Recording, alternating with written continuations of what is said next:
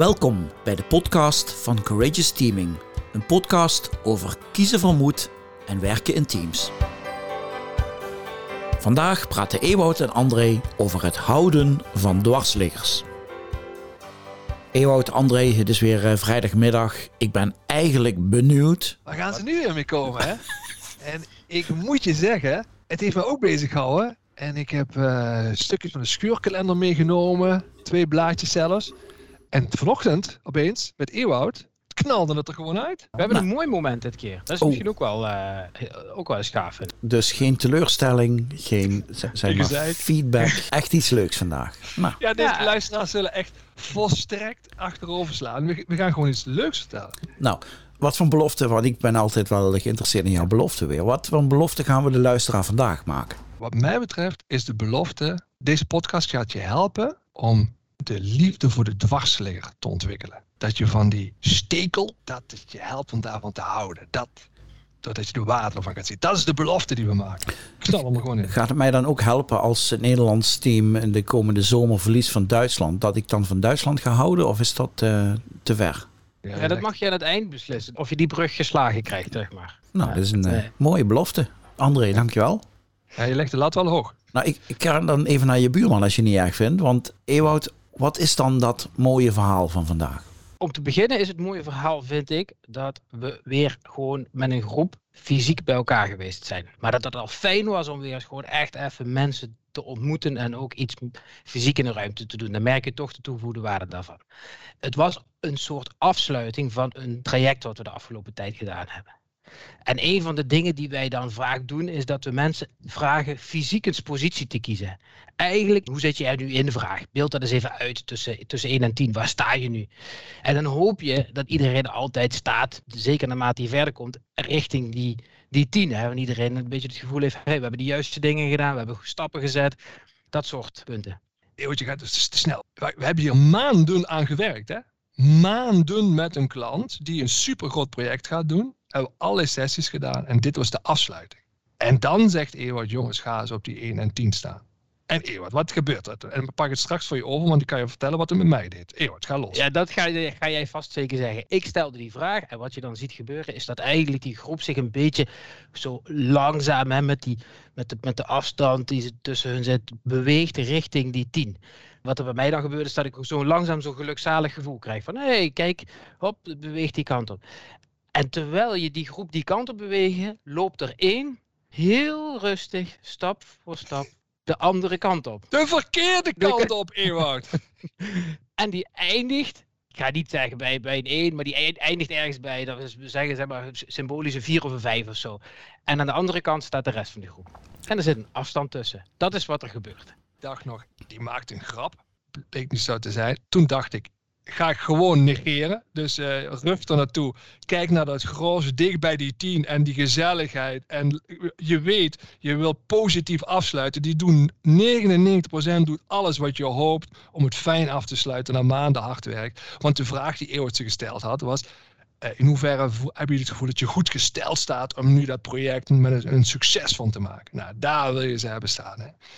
Ik knipte dat gewoon uit mijn beeld. Ik ging gewoon letterlijk met de rug Het naartoe deed staan. ook letterlijk. Want je Ja, draaide je om en het eerste wat je ging doen was vragen aan die mensen die bijna bij de 10 stonden. Leg eens uit. Ja. Waarom sta je daar? Wat zijn de mooie verhalen? Wat doen jullie nu? Waardoor je ervan overtuigd bent dat, dat jullie er goed voor gesteld staan. Maar ik weet zeker dat je ook op een gegeven moment omgedraaid hebt. Nou, echt niet. Nee, dat ken je me niet goed, want ik heb ook heel veel eh, zure kanten. Dus ik ging gewoon lekker door met al die positieve verhalen.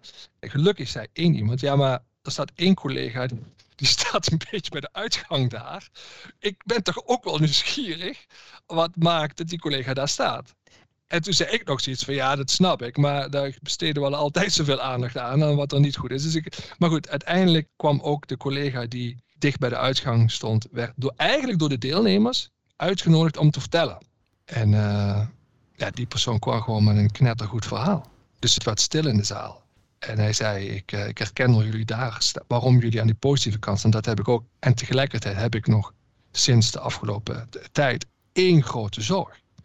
En dit is mijn grote zorg. En die legde die op tafel. En je zag gewoon all the rest of de groep zeggen, ja dat klopt, je hebt gewoon een punt. Dit is gewoon nog een ding waar we echt iets mee moeten. Ik vond dat echt dat moment fenomenaal. Want wat die man durfde op dat moment was eigenlijk even de echte olifant te benoemen. Waar iedereen zei, ja shit, dat zien we allemaal. We zien het allemaal op ons afkomen. En we willen het liever niet zien. En deze man benoemde dat. Goud waard. Ja. Hij was ook even de partypoeper, hè? Dat was hij echt, want het was bijna klaar. En, eh, en hij doet dat. En het was goed. En het is dus de kunst, want je hebt ook wel eens meegemaakt dat één iemand dat het feestje bederft, terwijl het niet nodig was. Dat het dan helemaal doorslaat en het te veel aandacht krijgt. Maar hier was het goed. En dan vroeg het van mij van, ja, goh, kun je ook houden van de dwarsliggen? Kijk, jij zegt hij, hij ligt dwars. Ik denk dan, het gaat bij jullie allemaal om moed. Hij toont daar moed natuurlijk. Dus jullie Ja, moeten... Patrick, niet op het eind van een feestje. Dat ga je gewoon echt niet doen. Hè? Ja, maar hij deed het op een. En daarom kon ik het zo omarmen. De man stond daar. Ik denk dat ieder, ik, als ik voor mezelf spreek, dat gevoel heb van: oh nee, ik wil het eigenlijk niet horen. Dadelijk gaat iemand in zo'n eindfase van een traject zeggen: nou, we zijn er nog lang niet klaar voor, of iets in die trant. Maar dat deed hij niet. Hij deed op een fantastisch opbouwende manier, zoals André net zei. Hij zei: ja, ik herken dat allemaal. Maar ik heb nog een zorg. En dat bracht hij op zo'n manier dat iedereen er ook bij kon. Van hé, hey, wat hebben we nu nog te doen? Hoe zorgen we dat deze stem, die jij nu, hè, dat geluid wat jij nou laat horen, dat we daar ook oog voor hebben? En hoe zorgen we ervoor dat we daar goed mee aan de slag gaan, zodat we ook echt ons doel bereiken wat we met elkaar voor ogen hebben? Opeens merkte ik aan mezelf dat het zo omsloeg van eigenlijk dat je het niet wil horen, naar je wilt het bijna omarmen. En ik had te gek. Wat waarde. Maar nu terug naar jullie. Ja. Volgende week gebeurt dit weer bij een nieuwe groep. Wat verandert er in jullie gedrag? het is voor mij ook hoe kun je van de Pieter Omzichts in deze wereld houden. Dus die brengen op een bepaald moment iets. En kun je dan nog openstaan? Dat is wat er van, van ons als in onze rol vraagt, maar ook van leiders vraagt. Het tegengeluid, hoe kun je daar op de goede manier het omarmen? En dan je de vraag stellen, eh, hoe kunnen we die zorg die hier en dit tegengeluid, wat we misschien even niet willen horen, maar hoe kunnen we het wel serieus nemen en er beter van worden? En, en dat is het wat, je, wat het van je vraagt, die mentale switch, of je die kunt maken. Wat ik er zelf trouwens, even om misschien een beetje op jouw vraag in te gaan. Ik weet niet zeker of ik wat anders zou doen. Want ik denk als we er naar terugkijken dat wij hebben daar heel weinig hoeven doen. Wat die groep daar al deed, en ik denk dat vind ik een mooi bewijs van welke stappen die groep gezet heeft, is dat ze eigenlijk met elkaar verkenden en uitspraken. Is die zorg echt terecht? Hè? Dat is belangrijk als iemand daar gaat staan. Snijdt die, houdt die zorg? Want anders zijn we ons druk aan het maken om niks. Maar daar was iedereen het wel over eens. En vervolgens ontstond er een supermooi gesprek tussen die mensen die er stonden over letterlijk de vraag: en wat kan ik doen om ervoor te zorgen dat we hier goed mee omgaan? Met deze zorg, met deze hè, olifant, dat, we, dat het ons succes, of wat we met elkaar willen, niet in de weg gaat staan. En dat ze daarin naar zichzelf keken. Toen dacht ik, ja, weet je, als een groep dit kan, dan heb ik er alle vertrouwen in dat dat goed komt. En daar hoeven wij eigenlijk bijzonder weinig voor te doen. Jullie houden nou van zo'n dwarsligger om de manier waarop hij dit heeft gebracht. Zeker Patrick. En tegelijkertijd, ook als iemand het dan niet zo goed kan brengen als deze persoon, dan kunnen wij helpen om te zorgen dat de juiste boodschap eruit gepikt wordt. hè. Dus sommige mensen misschien, die ligt die dwarsliggerrol wat beter, die, dan komt het er misschien heel hard en direct en zuur uit. Eh, dan is het onze taak om te zorgen, maar wat is nou de essentie? Wat is het, dat het op zo'n manier verwoord wordt dat het wel, goed, eh, wel gepakt wordt. Dat klopt. Maar het punt blijft, kun jij, terwijl je het feestje met de slingers, kun jij dan nog steeds openstaan voor het tegengeluid en het omarmen om er beter voor te worden. Dus we hebben wel vaker die omslagen. Hè. Vorige week hadden we het over de omslag van als je boos bent, kun je dan kijken wat je diepste wens is. Dit is ook wel eens een omslag. Ik, ik wil gewoon echt eh, arm in arm naar buiten, eh, feestend. En eh, er is even een tegengeluid wat dat lijkt te voorkomen. Kan ik dan weer mezelf omslaan en daar aandacht aan besteden? Dus in plaats van functie elders kun je ook houden van iemand die wat dwars ligt.